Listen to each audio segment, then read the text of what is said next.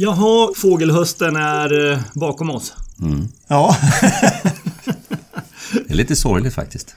Ja men det är ju alltid det. Speciellt liksom när det aldrig... Speciellt ett sånt här år tycker jag. När det liksom aldrig... Det toppar aldrig. det är några helger kvar. Det är inte slut än riktigt. Ja. Ja. ja, men faktum är att jag kände det jag var ute i, eh, i helgen här. Det, var, det, det är ju påfallande vad, vad det har blivit mindre fågel ute i markerna. Ja, det är Eh, otroligt avtömt. Ja, faktiskt. Även trastarna tycks ha lämnat oss nu. Nu går man ju in i den där, eh, i den där perioden när man får puls för varenda gransångare man hittar. Ja, lite så. kan man plocka sociala poäng nu. Ja. Lite. Ja, det, det, det kanske man ska göra. Jaha, Matti. Har du sett något? Eh, Jag har varit i Beshbarmag i Azerbajdzjan. Väldigt bra, en sträcklokal. Den kan jag rekommendera. Ja, Vi var där förra veckan. Ja, gillar man inte sträck, då vet jag inte om man ska bemöda sig att åka dit. Men eh, det är en utpräglad sträcklokal som ligger på västra sidan av Kaspiska havet längs stranden. Ungefär där Kaukasus mynnar ut och bildar, eh, går ner i Kaspiska havet. Så blir det en fyra kilometer lång remsa som är en slättbygd och det blir som en tratteffekt. Ah, ja. Är det söder om Baku? Norr om Baku. Norr om? Ja, Ah, okej. En och en halv timme med bil ungefär. Så det, är, det är smidigt. Ta sig dit. Så finns det några tyskar då som har startat en fågelstation där. Eh, Men så finns det även små hotell. Många tältar också. Som är där. Ja. Boendet var ju under de första åren var ju boendet ett stort bekymmer. Det lät som det var mycket tält. Eller det var tält Ja. som gällde så att Ja, säga. absolut. Ja.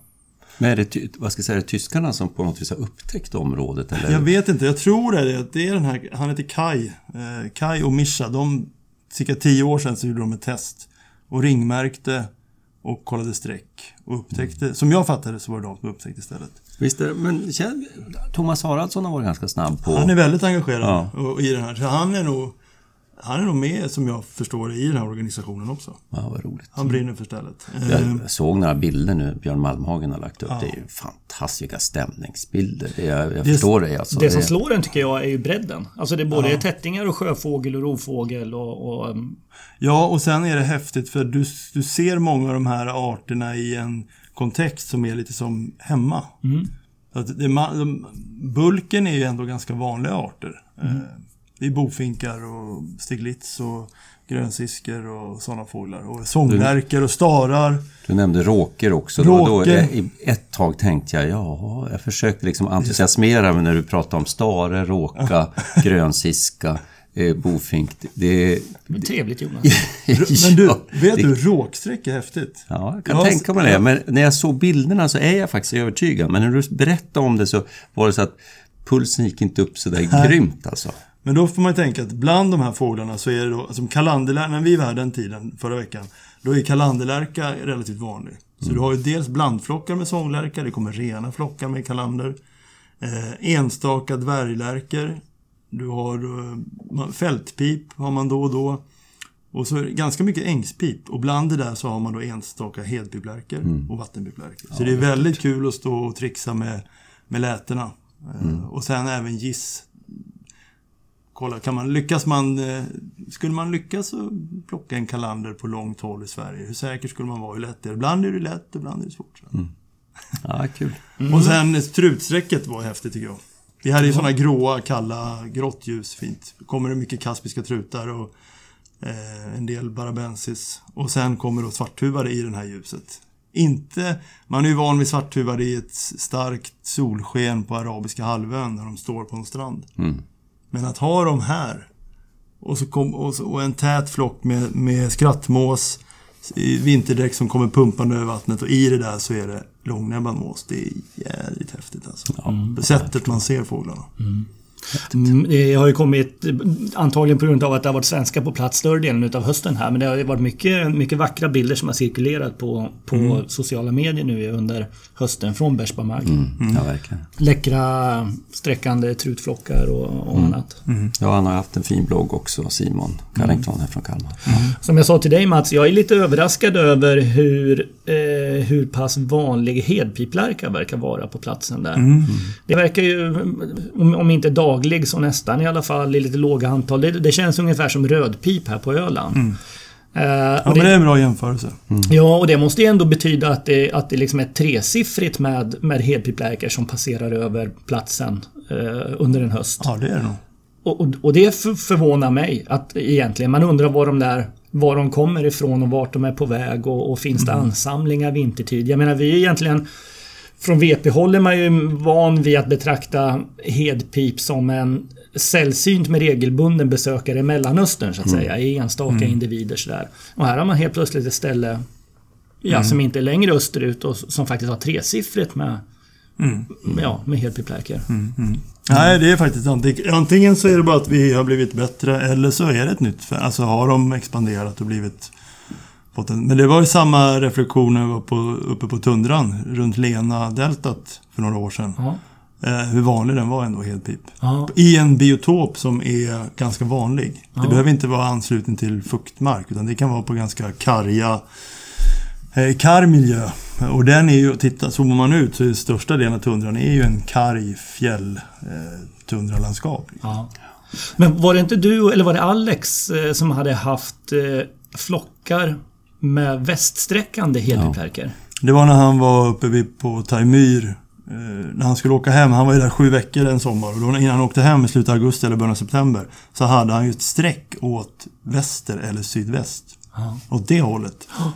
På, då han stod väl någonstans vid basen av eh, östra Taimyr tror jag. Mm. Men du, hur långt måste man gå för att hitta övervintringsområden för hedpip japonicus där de är hyfsat allmänna så att säga. Hur långt österut måste man gå då? Jag vet inte om man hittar sådana i Arabien ens en gång. Nej, det är det jag menar. Och, och du måste nästan bort till Kina? Ja, ja någonstans där har, jag, har, min tanke landat också, mm. eller min tro så att säga. Men, men, men med de här siffrorna vid Beshbarmag, de, för, för min del så ställer de eh, liksom arten i lite annan dager om mm. man säger så. Eller uppträdandet i en annan i ett annat dager. Men jag tror å andra sidan att om man tänker efter sen man lär, alltså senaste 15-20 åren, folk som åker till Mellanöstern har ofta någon hedpip.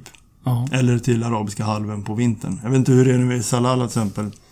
Är den årlig där nere eller? Jag vet inte heller faktiskt. Ja, men direkt vanlig är den ju inte i Salalah. Nej, men är det inte. inte någon varje vinter i alla fall? Eller? Kanske, nej, kanske jo, inte är så. Nej, men det... Smalia kanske. Inte ja. så välbesökt. det får bli nästa år. Ja. Eh, ja, Jonas?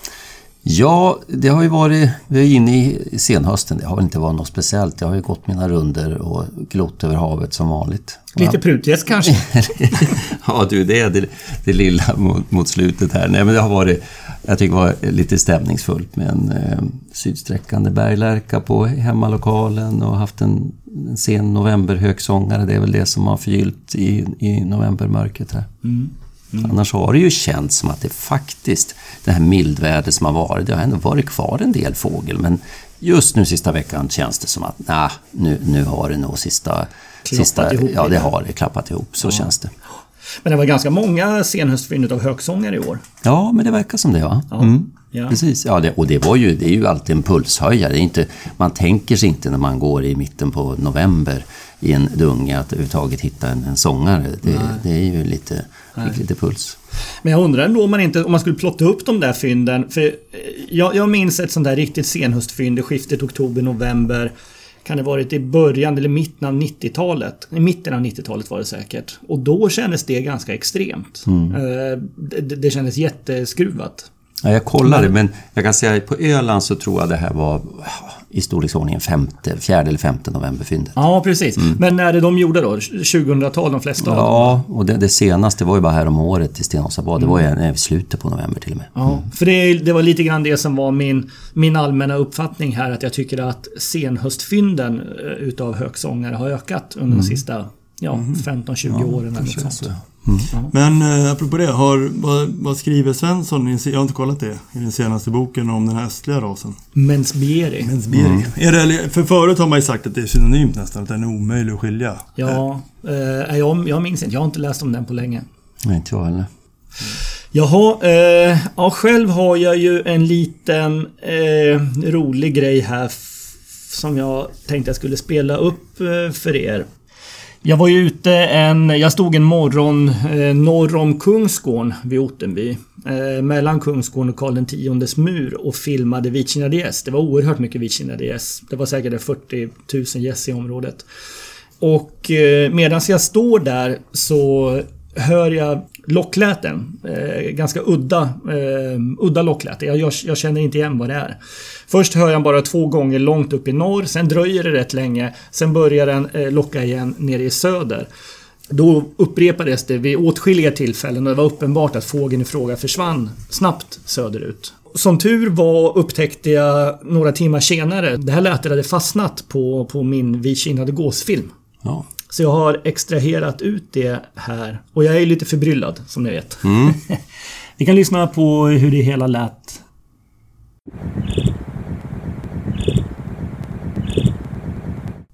Spännande lät det där, Ja, Magnus. vad fan är det här för något? Ja, jag måste ju ändå... Min första association till det här lätet var ju ändå från en vadare. Ja. Eh, och att det, det i strukturen påminner någonstans, men kanske inte så att det det kändes hundraprocentigt, men jag tänkte både på tuv och spovsnäppa. Ja, ja. Det här är ju, nu kommer jag inte ihåg exakt vilket datum det var, men det är ju ungefär runt 25 oktober kanske eller något sånt där. Mm. Och, och, och, jag står ju alltså, visst, jag är inte långt ifrån kustlinjen, men jag är ändå uppe så att säga, på ängarna, vid åkrarna. Mm. Eh, söder om Karl X mur. Och fågeln kommer eh, alltså uppifrån, uppifrån land, uppifrån allvaret om man säger så, då, och försvinner ner mot Kungsgården till vadare kan det väl absolut ha varit. Eh, spolsnäppa tror jag inte på, för då tycker jag att jag skulle ha...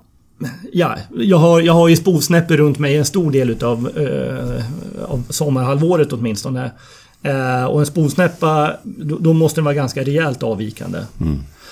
Tuv är, är, tyvärr inte... Jag har aldrig hört lockande tuvsnäppor på det här sättet. Jag har bara hört någon yttrat något när de har lyft och flugit iväg och sådär.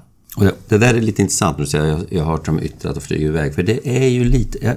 Valare är ju lite annorlunda eh, uppfattar jag det som ett, ett, ett, distinkt, vad ska jag säga, sträcklät eller när de, när de flyger över en kan ha en liten annan karaktär än de här små uppflogs, de här lite mer gyttriga, gyttriga och varierade och de kan liksom vara mycket mer kortstaviga och lite små. Men, men när den väl liksom sjunger ut när den sträcker, då, eh, låter lite annorlunda. Och jag kan väl hålla med om att eh, någonting kittlar tusnäppar men, det, men jag hörde ju det i, i, så sent som i augusti i alla fall i Alaska översträckande och där, där var det ju Alltså uppfattas normalt kanske lite mer dämpat och lite mm. dovare och, mm. och, lite mörkare mm. i karaktären. Så att det, ah, det, det, det, är nästan men inte riktigt. Mm.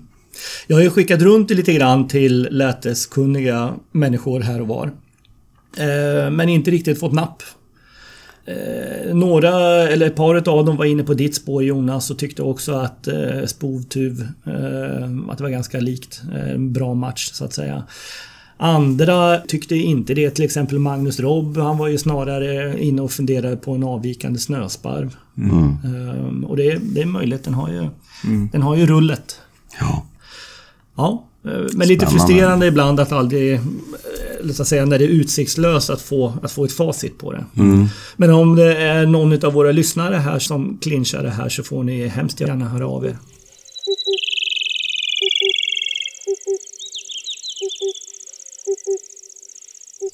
Ja, en fågelfattig höst här klagade vi ju just på. Men någon av er protesterade och sa att de sista veckorna har det ju hänt lite grejer i alla fall. Och det kan man väl lugnt säga. Ja.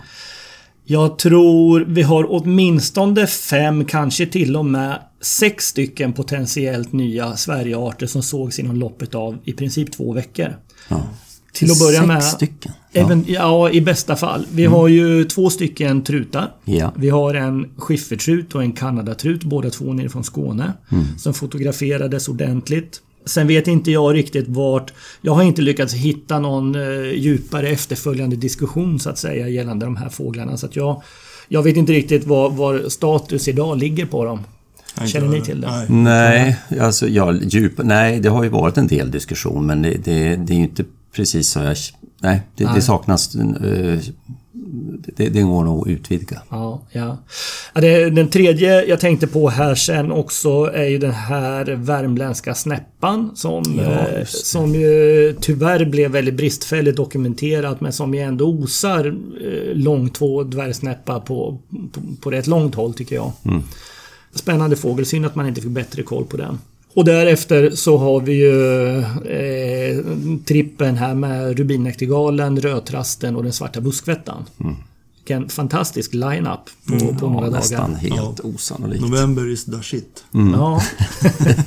ja, det är nog så. Det är synd, det är så glest mellan eh, fåglarna så det, mm. man hinner tröttna innan... Eh...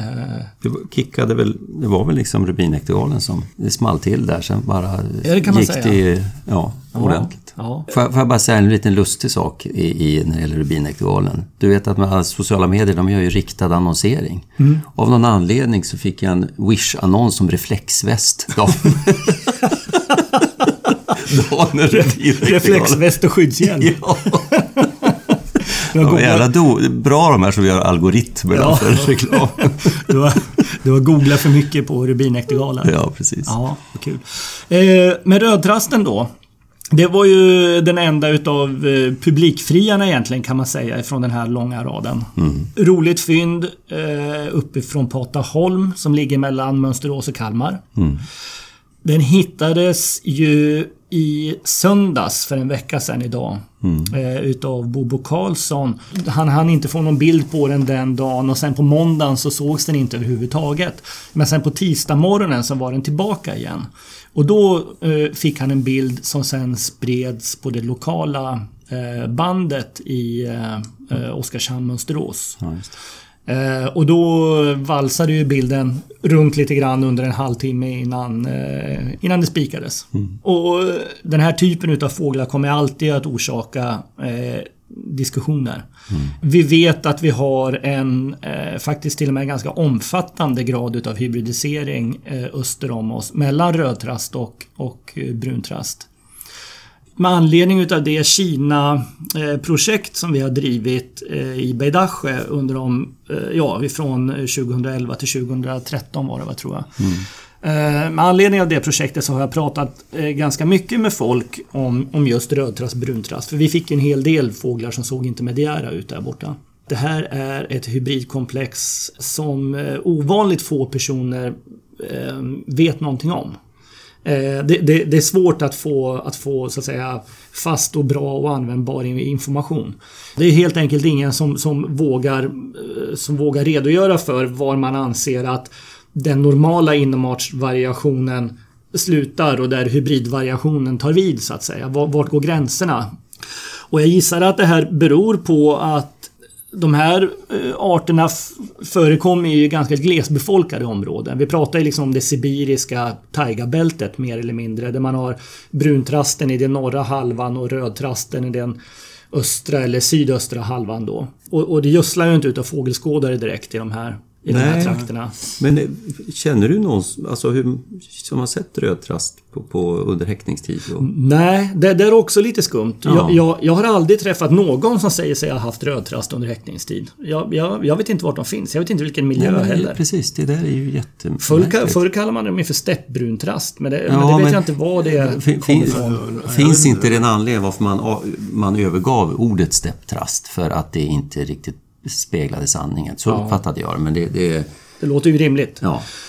Jag har fått för mig att det är trots allt en skogshäckare. Mm. Eh, men jag är inte mm. säker på det. Eh, men tittar man utbredningsområdeskartorna som är publicerat i till exempel HBV. Eh, mm. Så är det ju den södra delen utav taigabältet. För brukast är väldigt nordlig ju. Ja, den är nordlig och den går mm. också mycket längre västerut. Ja. Gör den. den går ju väster om Taimyr till och med. Mm. Rödtrasten förekommer ju bara ett stycke längre västerut än Baikal. Inte mycket längre än så.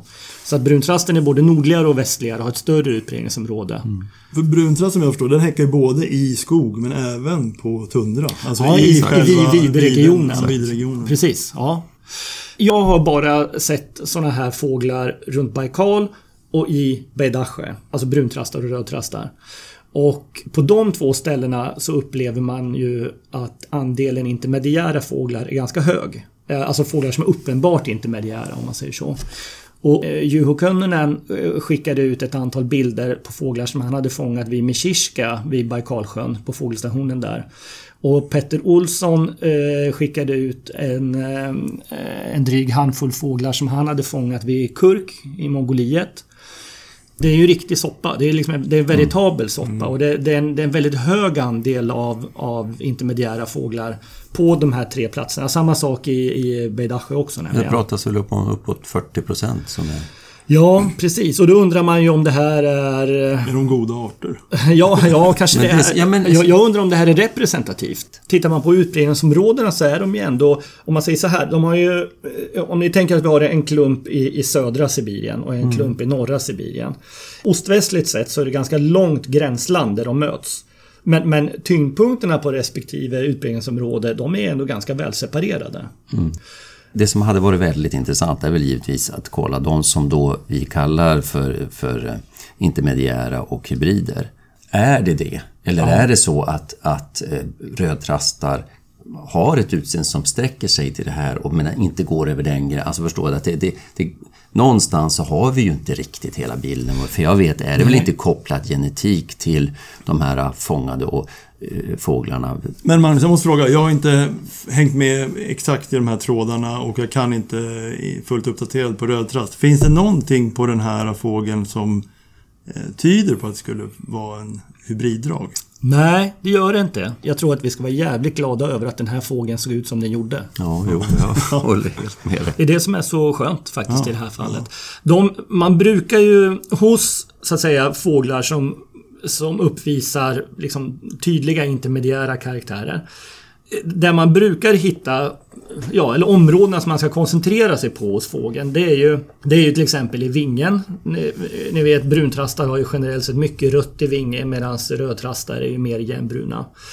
Vi har ju ryggen som normalt sett är mycket mörkare hos en bruntrast men nästan svartbruna i kärnorna, de fjädrarna. Medan den är jämnare och ljusare hos, hos rödtrasten. Vi har också ansiktsteckningen med mycket mera distinkt vitt ögonbrynsträck hos bruntrast och mörkare örontäckar och mörkare gässa. Eh, vi har också stjärtteckningen. Bruntrasten är ju helt mörk i stjärten medan rödtrasten har ju röda stjärtkilor. Ja, den har ju röd stjärt med, med bruna eh, T1 mm. i mitten centralt. Och sen är det ju det här med bröstfläckningen. Det är en av de karaktärerna, alltså färgen på fläckarna på längs flanken och nere på, nere på nedre delen utav bröstet. Det är en av de grejer som verkar hänga med längst innan de späds ut igen så att säga. Mm. Man kan se fåglar som i övrigt ser ut som ganska rena bruntrastar eller ganska rena rödtrastar.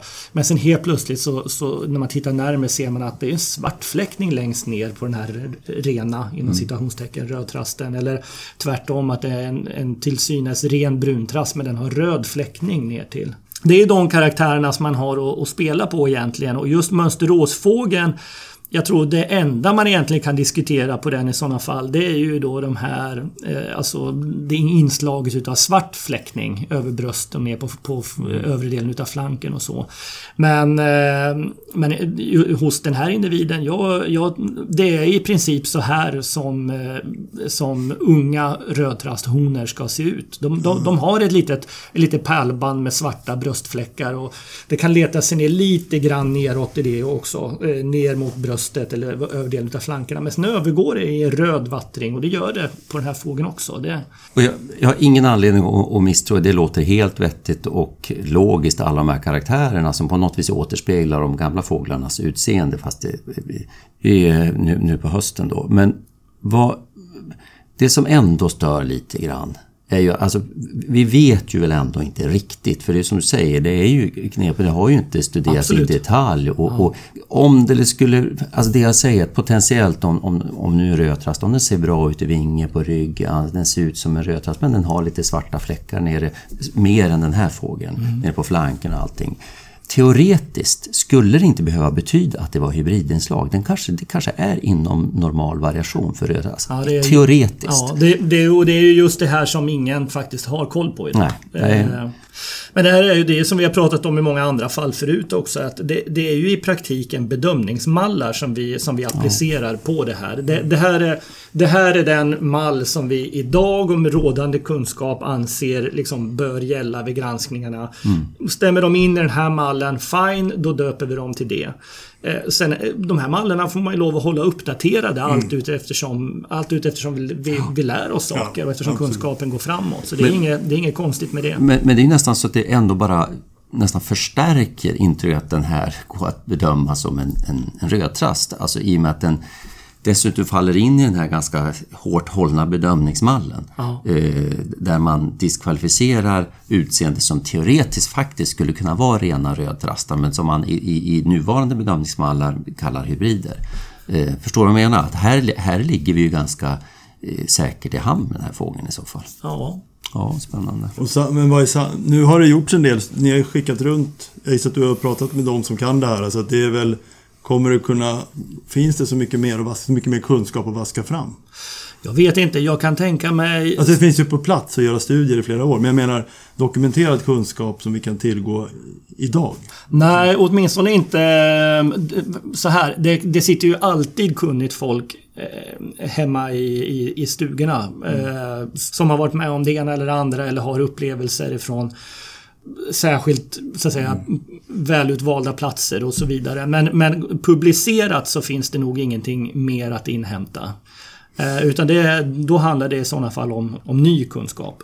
Ja men eh, det är ju intressant då, för det du säger är ju att, att de har lite mörka att det är mörka teckningar även i buk eller kroppsfjädrarna är helt okej. Okay. Det har man sett inom ramen för variation hos rödtrast. Ja, ja. vad det gäller övre delen av ja. bröstet i alla mm, fall och främre delen ja. av flanken. Men inte längre neråt Nej. på kroppen. För det intressanta här, och sen har man en viss kunskap och sen, för det intressanta är ju i det här parallellfallet, vi har den här känsliga asurmesen på Öland för några år sedan. Där eh, vi egentligen har en, eh, ett utseende som inte faller inom dokumenterad och känd variation hos asurmes. Utan där har vi karaktärer som tydligt pekar på hybrid. Alltså vi har stjärttäckning, tertialer och handtäckare. Ja. För att hade den till exempel visat ett utseende som, som föll inom ramen för variation hos asurmes fast eh, kanske även som hybrider kan se ut. Då hade ju den hamnat egentligen i samma fack som den här rödtrasten. Ja. Mm. ja. Den, är bra, den är ju en huvudverk för raritetskommittén och generellt är ju det här med hybrider, det är ju nya huvudverken för alla granskande kommittéer. Det gäller inte bara de här jätteovanliga utan det gäller ju blå kärrhök, stepphök, akilaörnarna och hur man ska förhålla sig till dem.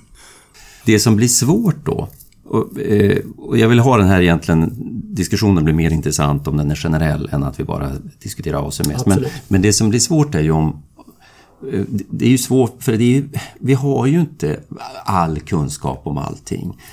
Och, och, och i fallet ACME så verkar det vara ganska mycket opublicerad kunskap som, som finnarna har, har tagit mm. fram.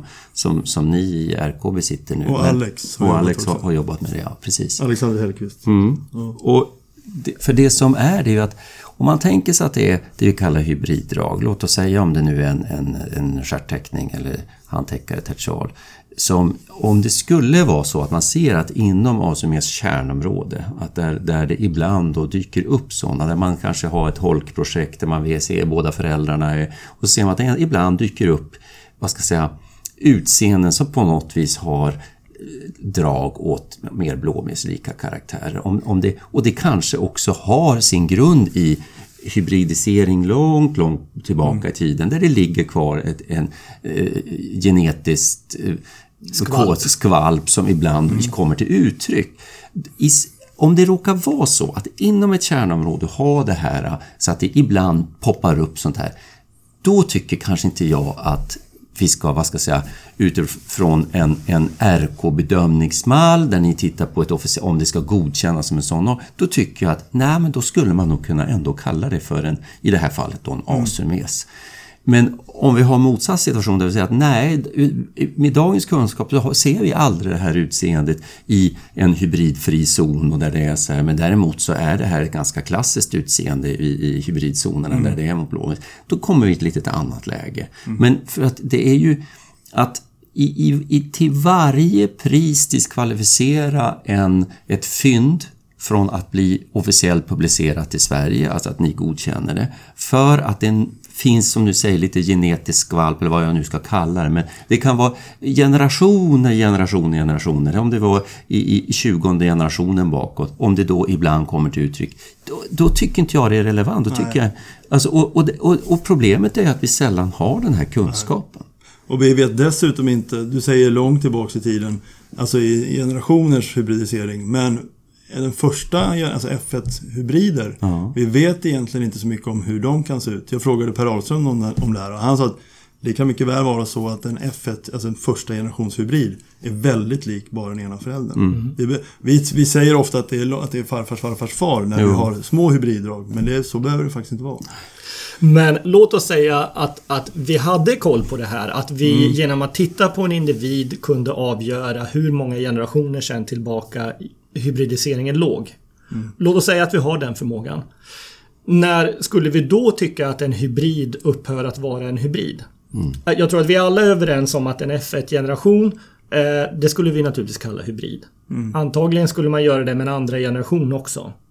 Men skulle vi göra det på en tredje generation och fjärde generation, var, var, går- var går den gränsen någonstans? Och det det, där det kommer- är ju också en hypotetisk Ja. diskussion som blir svår att hantera i... Och det här kommer alltid vara svårt för alla granskande kommittéer. Det kommer, man kommer aldrig kunna eh, sätta upp policies och regler för det kommer alltid finnas gråzoner. Det kommer alltid vara svårbedömda individer. Fast vi vill ju göra det enkelt för oss. Vi vill ju ha tydliga guidelines och vi vill ha tydliga fack där vi ska placera allting. Men, men en annan intressant fråga här det är att om vi tar de här för olika artpar eller taxapar så kommer hur mycket ska vi kräva av dokumentationen? Om vi tar till exempel rödtrast där vi säger att det är 40% där det är jättemånga hybrider. Ja. Och så säger vi att, vi säger att det inte fanns någon dokumentation på stjärten här som Nej. ett exempel. Ja. Och vad, vad kommer man kräva i framtiden? För vilka artpar ska man kräva dokumentation av allting?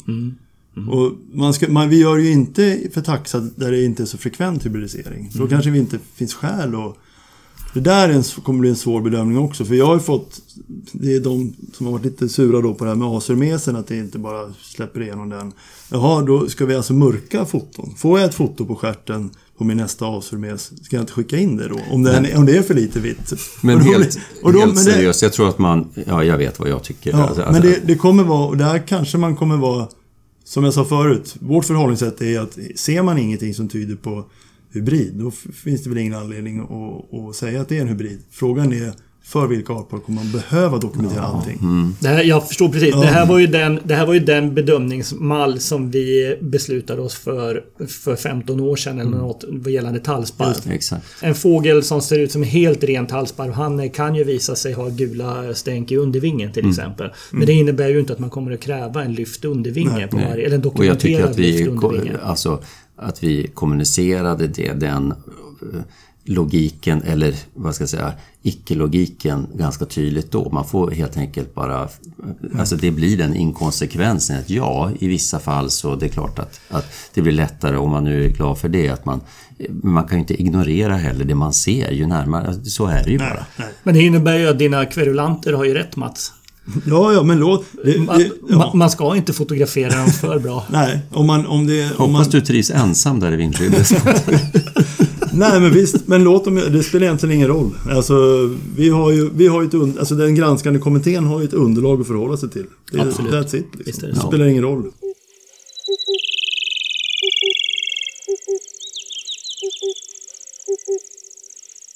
Ja, under de här eh, gångna veckorna nu. Det här är ju liksom, det här är ju peakperioden på året lite grann här nu. Vi har, vi har passerat precis. Och det, det är ju ofrånkomligt att det dyker upp en hel del individer som det blir roliga diskussioner kring. Ni har säkert sprungit på sådana ni också Jonas och Mats. Men jag har, jag har i alla fall tre stycken fåglar här som jag tänkte att vi skulle prata lite grann om. Kan det vara tättingar? Ja, ja det kanske det råkar vara. Ja, ledsen. en ren slump. Ja, du, du får starta en prutgåspodd Jonas. eh, men jag tänkte vi skulle börja med eh, en, en törnskata. Eh, har ni förresten tänkt på hur många sena törnskator har setts i år? I oktober var åtskilliga individer och jag tror i november nu tror jag det är tre stycken som har, som har fotograferats och lagts ut på Artportalen. Jag. Men i mitten utav oktober här så sågs det och fotades en fågel av Mikael Kjell på eh, Onsala-halvön. En intressant eh, sen törnsgata och eh, eh Tina Vidén från Göteborgsområdet där flaggade upp den här eh, som lite intressant för den eh, Fågeln är ju, till att börja med så är den ju ovattrad ovan. Mm. Och den har rätt mörka tertialer och man ser heller inte några vita kanter på, eh, på T6orna, på stjärtpennorna, ni vet som man gör hos Colurio eller så. Mm. Så Tina flaggade ju upp den där som lite intressant som en då potentiell eh, bruntörnskapekandidat. Eh, vi kan lägga ut bilder på den där på eh, vår Facebook-sida sen så kan man gå in och titta om man vill. Eh, den är ju mycket riktigt ovattrad och man ser heller inte någonting ljust i skärten även fast man ser den ifrån sidan och sådär. Men eh, nagelfar man den här lite grann så är det faktiskt eh, så att ni ser att den har ju faktiskt ett ganska ett befintligt slitage över vingen och över större täckarna. Faktum är ju det att det här är ju ingen juvenil vinge. Eh, det är det som skapar det här grundintrycket. Det här, det här är ju en, en, en oruggad äldre vinge, sliten. Vilket ju betyder att det här är ju, det här är ju faktiskt en gammal fågel. Och som gammal fågel så är det ju helt plötsligt inte alls konstigt att, eh, att den är ovattrad upp till. Mm. Och eh, tar man en noggrannare titt på skärten så ser man också att det går att förklara varför den inte har några vita T6 heller. Den, den saknar nämligen många stjärtfjädrar. Den har bara någon enstaka, eller några enstaka stjärtpennor kvar. Här ser ni det. Mm. Så T6orna, de vitkantade fjädrarna, de är alltså borta på den här fågeln. Här ser ni mig. Jaha, där, ja. Ja, och, och, och, som sagt det, det, hela landar egentligen i att det hade varit spännande om det här hade varit en ungfågel. Mm. Men i och med att det är en gammal fågel och, och stjärttäckningen kan förklaras av saknade stjärtpennor och så. Så man, man, landar ju vid att det här är ju en, en helt vanlig Colurio, men en, en, gammal hona. Antagligen har den väl stannat kvar på grund av att stjärten inte... Ja, att, att den behöver reparera stjärten innan den kan ta sig någonstans. Men som sagt, det, det här är ju då en, en gammal sen hösthona, Colurio, vanlig törnskata. Och det var ju precis vad Mikael Kjell eh, eh, sa också när han fotograferade fågeln och la ut fågeln med. Mm. Det var kul ändå att Tina gjorde, mm.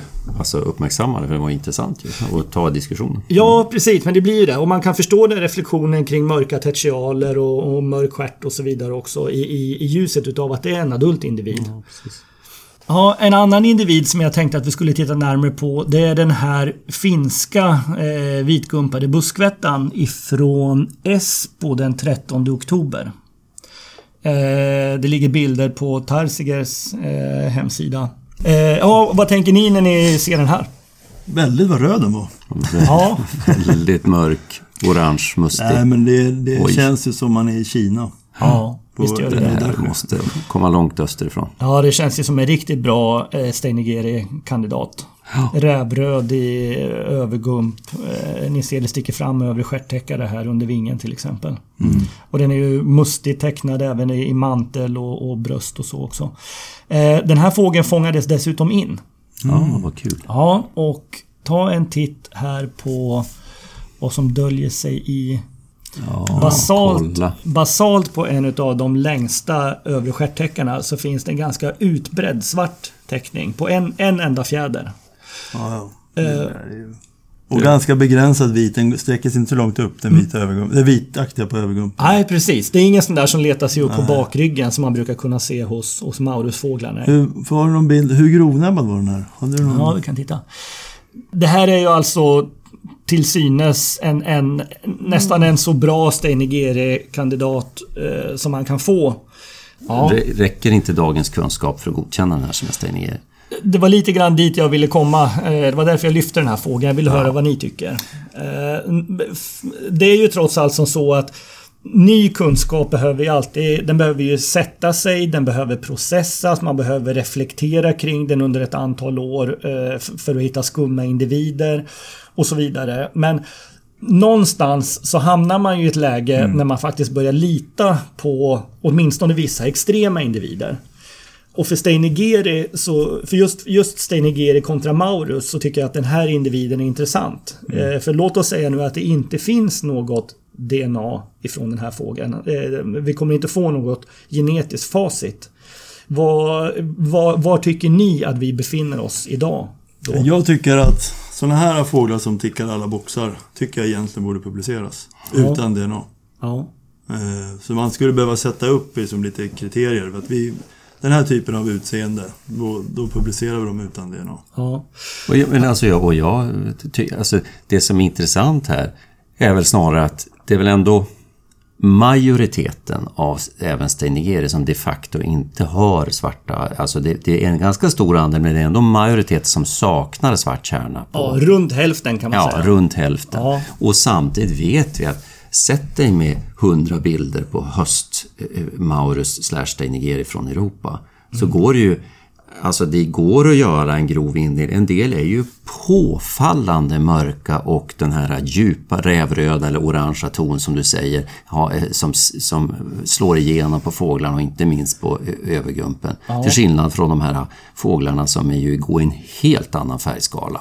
Och är, är, i alltså beige buff toner va. Jag förstår vad du menar Jonas, men jag skulle också vilja hävda att du har ju ett, ett inte alldeles litet spann utav individer som heller inte skulle vara lätta att placera Så- så i något utav de här två Men, men facken. låt oss säga att vi tar de mörkaste. De mörka, vi, jag tror flera av oss har minnesbilder av sådana fåglar från Sverige som vi har sett. Som jag så här i efterhand jag känner att det, det, det var nog väldigt goda Steniger-kandidater. Alltså jag tycker inte färgtonen, bara den räcker inte.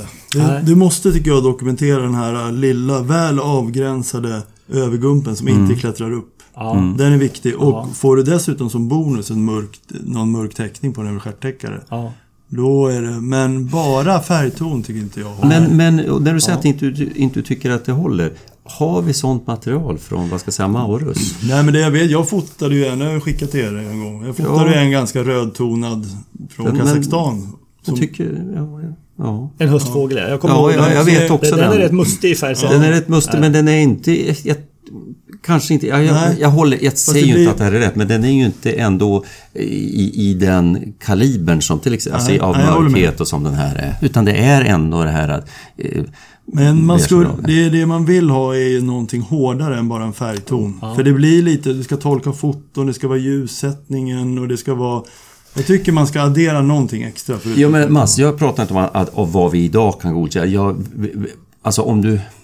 Det är bara, vad tror vi? Alltså vad tror Ja, ja, vi? Ja, så ja. tror jag att de här mörka fåglarna som dyker upp, de är nog inte riktigt så ovanliga som, Nej, som, nej. Vi, som vi har trott. Utan, utan de här, det, det är så sen, sen att gå steget till att de kan vi bara gå... Det, det, säg inte så, men att, att det är nog steinigeri. Jag tror ju nästan att... eh, Och höstfåglar. Ja. Jag tror vi är uppe på hälften. Jag Jag tror det. jag tror nästan hälften av våra fyndigheter är negri. Jag är benägen att tro det också. Tror du det? Ja. Men lyckligtvis då så, så är det ju så att ungefär hälften utav steinigeri-fåglarna har ju den här typen av övergumstäckning. Men det är, ju, det är ju tyvärr inte så att det, är, att, att det syns i fält på allihopa. Utan man, eh, på många utav individerna så ligger den här mörka täckningen precis som på den finska fågeln. Att det ligger lite basalt på fjädern. Och då måste man ha fågeln, antingen måste man ha tur att den putsar sig och viker upp och att det blåser till precis när man klickar bilden eller något sånt här. Eller så måste du ha fågeln i handen för att faktiskt leta efter de här, de här svarta fälten. Men en karaktär som skulle vara kul att jobba mer med, testa mer, det är ju den lilla vita övergumpen. Ja, just just att den är så Ja. väl avgränsad och sitter så långt ner. Ja. Det, är, det skulle vara kul att testa på ett större material. Gabriel Norevik och jag körde ju den här insamlingen ifrån Beidache. Eh, där vi, vi har ju ungefär 200 steinigeri som vi har plåtat ordentligt i handen. Så vi har ett jättefint höstmaterial från Ostasien. Däremot så saknas ju ett motsvarande material ifrån västra Asien eh, på Maurus. På utbredningsmässigt säkra Maurus. Så att nästa steg framåt det är nog att, att satsa på en storskalig insamling utav eh, Maurus, höstmaurusbilder. Ett, förslag till projekt, det är att dra, dra till Shabagli, södra Kazakstan. Eh, och, och där är det mycket i slutet av halv, andra halvan av september, början av oktober. Fånga in fåglar. Där får man utgå från att de flesta är Maurusfåglar. Men de svåra fåglarna man få- fångar tar man DNA på för att säkra vad de är. Där skulle man kunna få ett fint höstmaterial. Men det krävs ju några som är duktiga på, eller som fångstkvinnor eller fångstmän. Eh, som, för man får slita lite. Det är inte, det är inte lika lätt som risfälten i Beidache. Okej, den tredje fågeln som jag tänkte prata med er om här, den är faktiskt också finsk. Eh, Hörde ni för ett par veckor sedan att det fångades en, eller att det hittades en eh, rödbrun sparv, en Britsa rutila, Yes. i Finland. Nu ska vi se, en tjej som heter Hanna Alto tror jag hon hette som fångade den fågeln. Många utav de rödbruna sparvar som är sedda i Europa, de ser ju inte riktigt ut som i fågelböckerna. Orsaken till det eh, visar ju den här fågeln väldigt tydligt. Det är ju att flera utav de här sibiriska emberitsasparvarna faktiskt flyttar i juvenildräkt. Mm. Det är som ett dvärgsällsparv. Vi har dvärgsävsparv, vi har rödbrun sparv, vi har gulbrynad sparv, vi har gyllensparv. Alltså gulbrynad också? Den också, ja mm. precis. Jag kanske har glömt någon mer. Så det är, alltså, det är nästan en handfull utav de här eh, sibiriska emberitsa-arterna som, som faktiskt ger sig iväg ifrån häckplatserna eh, en, en, del, en, en del byter, en del genomför sin postjuvenila ruggning och sen sticker de. Andra avbryter den postjuvenila ruggningen och sen sticker. Och, och, och till sist så har vi så att säga en, en viss portion av fåglar som inte verkar byta någonting alls utan flyttar helt och hållet juvenil direkt. Faktum är att även videsparv kan ju på, åtminstone okay. påbörja flyttningen. Det är, det är fångat flera gånger på stora fjäderägg. Juvenila, juvenila videsparvar ja, som ju kul. skapar stor förbryllning. Ja, just det. Ja. Men hur mycket har den här bytt då? Ja, jag vet inte, kanske lite på manteln. Mm. annars så skulle jag nästan tro att den är helt juvenil faktiskt. Mm. Det är lite intressant att fundera på vad det här beror på egentligen. Varför, varför sticker fåglar eh, iväg på långflyttningar utan, eh, eller i, i sin juvenila dräkt utan att rugga för det? Jag har inget belägg för det men en, en tänkbar teori som jag själv har funderat kring är ju att eh, höstarna i Sibirien är ju väldigt korta. Mm. Det, somrarna tar slut snabbt och sen smäller det till och sen blir det ju kallt. Eh, det är extrema inlandsklimat vi pratar om så kanske är det så att de här många utav fåglarna som häckar i de områdena faktiskt är lite stressade. Mm. Att ta sig ja. iväg in, innan, innan födan börjar tryta och så vidare. Jag har ingen aning alls om, om, det, om det ligger någonting ja, det bakom väl, det. Men det, det är en, eh, en, en strategi som, som förekommer i de delarna utav världen men som är mindre vanliga när vi kommer mm. ut till, till, till det lite fuktigare och varmare Europa om man säger så. Men även Sibiriens locusteller, åtminstone träsksångare gör ju samma sak. Ja, och det finns andra rosenfinkar och annat. Mm. Det finns andra exempel också på, på det där. Att den är juvenil bland annat kan man se nästan enklast på... Dels tar man, tittar man nära på kroppsfjädrar så anar man att de är rätt duniga och, och sådär också. Men man kan se det på täckningen på större och, och mellersta täckarna. Eh, de mellersta täckarna har de här en, en väldigt utdragen svart tandtäckning. Men de kan en, en, en svart vara. tand ja. som letar sig ut centralt ut mot mm. spetsen mm. på fågeln. Och det, så, så, ser bara de juvenila ut. När de har bytt sen till postjuvenila fjädrar så blir det mer som ett, som ett in, vad säger man, isolerat svart centra på den utan den här tydliga tanden. Däremot de fåglar som har genomgått sin postjuvenila ruggning de byter ju alla mellersta täckare och alla större täckare. Så att man ser liksom inga rugggränser i dem i, i, i täckarraderna någonstans. Mm. Ja, det, jag förstår plötsligt Magnus där när jag har tagit tycker mig ha tagit en sån här fin naturbild där man ska njuta av helheten och det är fågeln i sin miljö och det är kanske lite stämning. Och din kommentar är snygg ruggräns. ja. Ja, jag ber om ursäkt. Ja. Men, det, men det är i alla fall lite kul och tycker jag med de här sibiriska embritserna och den juvenila dräkten. Det var ju i princip ett annat parallellfall nästan kan man ju säga var dvärgsävsparven ja. häromåret ute mm. på Svenska högarna. Eh, som ju också var i, om inte helt juvenil direkt, så, var den, så fanns det mycket juvenil kvar i fågeln i alla fall. Jag tror en av de första dvärgsättsparvarna, om det var Shetland eller sådär för 20 år sedan, ja. den är helt juvenil. Ja, precis. Mm. Men öppnar ni en fågelbok så tror jag inte man hittar några juvenila Nej. dräkter alls i Nej. dem. Och det, det kanske är ett tips. tips till kommande uppdateringar, att faktiskt eh, inkludera dem i ja. eh, för de arter där det är aktuellt så att säga.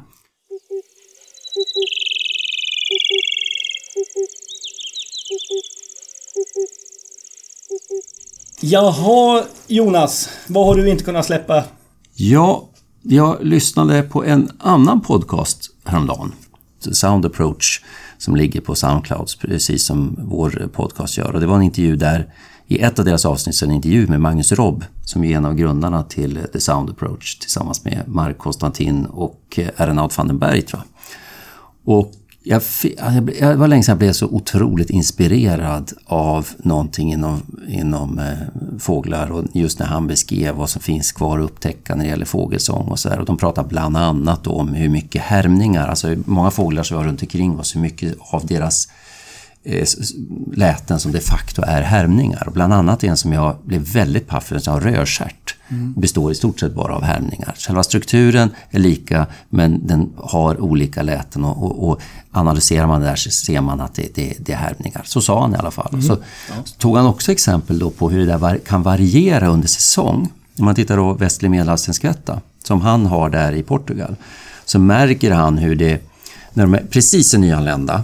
så är det ju väldigt mycket som är vad ska jag säga, dels är, är sången kanske innan de liksom har fått upp ångan så är den lite mer plastisk. De skiljer mellan plastiska läten och, och kristalliserad läten när den liksom är, är, är, mer strukturerad och uppbyggd precis som den ska vara när en revir sjunger. När precis, man får sjunga upp. Eller precis. Va? Ja. Men direkt när de är nyanlända då är det väldigt mycket härmningar och det är mycket afrikanska fåglar. Men som han sa, det är nog också så att de plockar upp under sin rastning på vägen. För han hade sett precis de första nyanlända, hade han hört alltså afrikansk bofink som ju givetvis då har den plockat upp då kanske dagen innan i Marocko och så sen kommer den och så, sen så väver den in sådana här. Jag tycker det var så jädra häftigt att, att se det där och hur, hur långt man kan komma genom att spela in och analysera i lugn, lugn och ro och, och hur mycket vi har kvar att lära. Och, och jag tror det, det gäller ju samma sak i, i våra hemmamarker. Man, mm. man har liksom Trots att jag tycker det är jättekul med fågelläte men har ju bara skrapat på ytan jag kände att fasen jag, jag måste börja köpa inspelsutrustning och komma igång alltså. Är, hela, hela Sounder-projektet är ju faktiskt ganska inspirerande och Magnus Robby är väldigt rolig att lyssna på. Ja, enormt alltså. Ja. Enormt. Jag är djupt imponerad. Ja, får ja. rekommendera den, den podden. Ja, får vi göra. Den hette The Sound Approach, eller? Ja.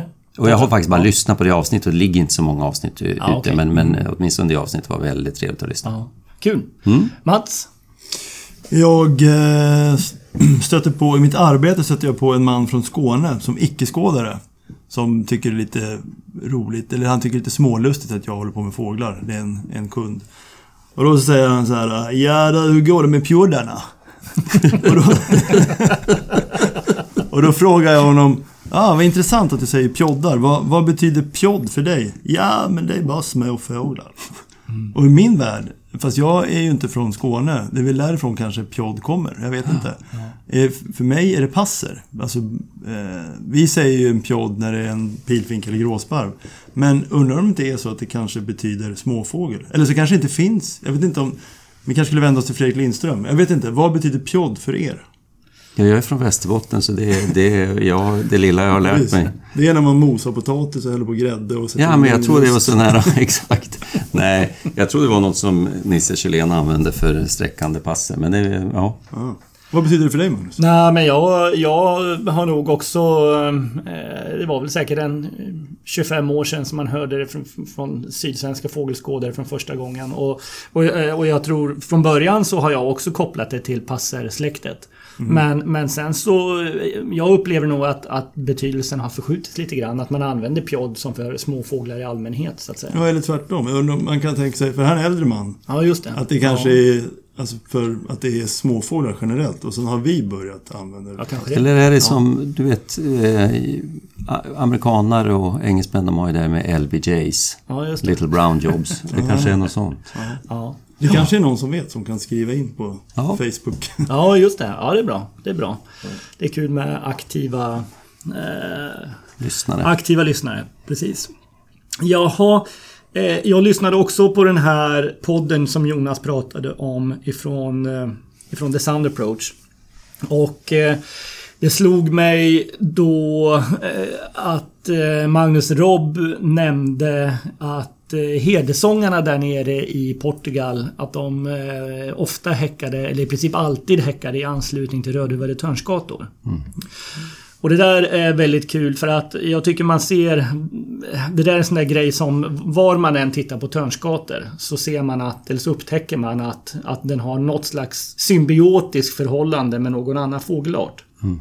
Här på, på Öland till exempel, jag, jag, jag, tror aldrig att jag har sett en häckande högsångare någonstans utan att det har suttit en törnskata i, i någon av buskarna mm. runt omkring. Eh, uppenbarligen i Portugal är det ju då herdesångare Rödhuvad törnsgata. Mm. Åker man till östra medelhavsområdet då är det mästersångarna. Så sitter det alltid masktörnsgator, samma buske.